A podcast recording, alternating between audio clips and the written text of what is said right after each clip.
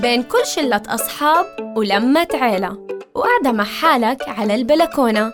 قدام الغاز تحديداً وإنت بتطبخ. في هرجات للبيع. شو يعني وكيف؟ أنا طيب العمد رح أخبرك ببودكاست هرجات للبيع. رؤيا بودكاست. الهرجة بلشت. بتذكر إنه علاقتي مع ماما ما كانت بتشبه علاقتي فيها الآن. وبتذكر كتير مواقف كنت أفكر فيها ماما بتكرهني أو ما بتهياني. بتذكر لما كنت ما أرتب البلايز فوق بعض بترتيب دقيق واللون مع اللون. تيجي بكل بساطة بعد ساعات من شغلي تكب الأواعي كلها على الأرض. وبتذكر كتير منيح وقت كانت شديدة معي بالقرارات وبالترباية. يعني أنا وقتها كنت بحكي ليش أنا لازم أرتب وأشيل وأحط ولا حدا من بنات العيلة كان يشيل مسؤوليات قدي؟ ليش لازم أجلي وأنظف لما يكون في لمة عيلة؟ وليش لازم بصف ثالث ابتدائي أعزل غرفتنا ليش وليش وليش؟ لحد ما كبرت فعلا وسافرت وتغربت وصار من واجباتي أعمل كل الأشياء اللي كانت ماما تجبرني أعملها. وقتها فعلا فكرت وركزت بالماضي. وبقعدة مع ماما حكت لي أنا من هديك الأيام كنت بعرف إنك حتكبري وتطلعي من عندي تدرسي تشتغلي تتجوزي. كنت بهيئك لحتى ما تكوني بيوم محتاجة حدا أو ما بتعرفي تعملي شي إلك ولحالك وتضلي دايما محتاجة غيرك. هديك اللحظة فعلا فكرت وتأملت. اليوم أنا فيني أوقف على طابور الأحوال المدنية. وفيني أصلح غسالة خربانة. فيني أطبخ فيني أنظف. وكمان ما بتعب وقت أمشي تحت الشمس وأشيل أكياس ولا حتى بمل من إني أركض وأركض وأركض ورا أحلامي وطموحاتي. بس استنى شوي. مفكرني نسيتك؟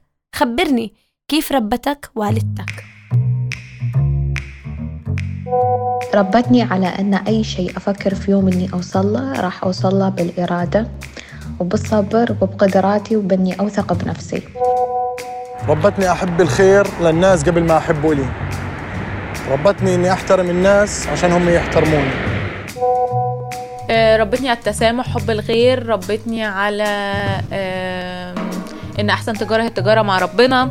ربتني على إن أنا أعتمد على نفسي إن أنا أبقى independent positively يعني بمعناها ال- ال- الإيجابي إن ما استناش حد يعمل لي حاجة أنا أعمل حاجتي بنفسي. آه، ربتني على آه، تقبل الآخر وحب الآخر وإن في واحد بس بنخاف منه هو ربنا. كتير بسمع قصص عن الأهالي والأبناء وكتير بزعل وقت أسمع أحكام الأبناء على الأباء بس بوقف لحظة وبحكي. أنا كنت مكانهم وكنت أفكر زيهم. يعني كنت أشوف إنه أهلي دايما ضدي دايما بدهم ياني أكون متمرمطة لحد ما كبرت زي ما حكيت لكم وفهمت إنه كله فعلا لمصلحتي. وإنهم فاتحين لي مجال كبير وعاطيني مساحتي الخاصة بل ومحترمين قراراتي بالحياة. كتير بحب أقعد وأحكي تجربتي هاي. ليش؟ لأنه كنت بوقتها محتاجة أفهم إنه اللي بيصير عادي وكله تمام ومنيح. وعمره ما أهالينا كانوا ضدنا وضد آمالنا وأحلامنا ولا حتى ضد قراراتنا. ولا تحكي شو أخباري طيب؟ ترى مو كل الأهل هيك. بعرف مش كل الأهل هيك بس في شغلة كتير مهمة. مهما كانوا أهلك ضدك مش حيكونوا بكرهوك أو بتمنوا لك الشر لأنه أهلك اللي ما بيهون عليهم دمعة من دمعاتك. باليوم اللي بيرفضوا فيه قرارك أو حتى بئسوا عليك وقف وتفكر وشوف الموضوع بعين أعمق أو جرب تشوف تجارب ناس سابقين لأنه بيوم من الأيام وبعد سنين طويلة حتحكي يا الله كان معهم حق بهاللحظة بحب أشكر ماما لأنها قست بتربايتي شوي نتفة وجعلت مني هالشخص اللي ما بتزعله حرارة الشمس وما بتضايقه الساعات الطويلة من العمل ولا حتى ممكن يجرب يمر جنب ناس وما يساعدهم واليوم لو برجع لورا حرجع أكب كل الأغراض اللي بالدولاب لحتى أرتبهم من جديد بطريقة صح. لأنه النتيجة حلوة. واليوم أنا وماما أفضل الصديقات. رؤيا بودكاست.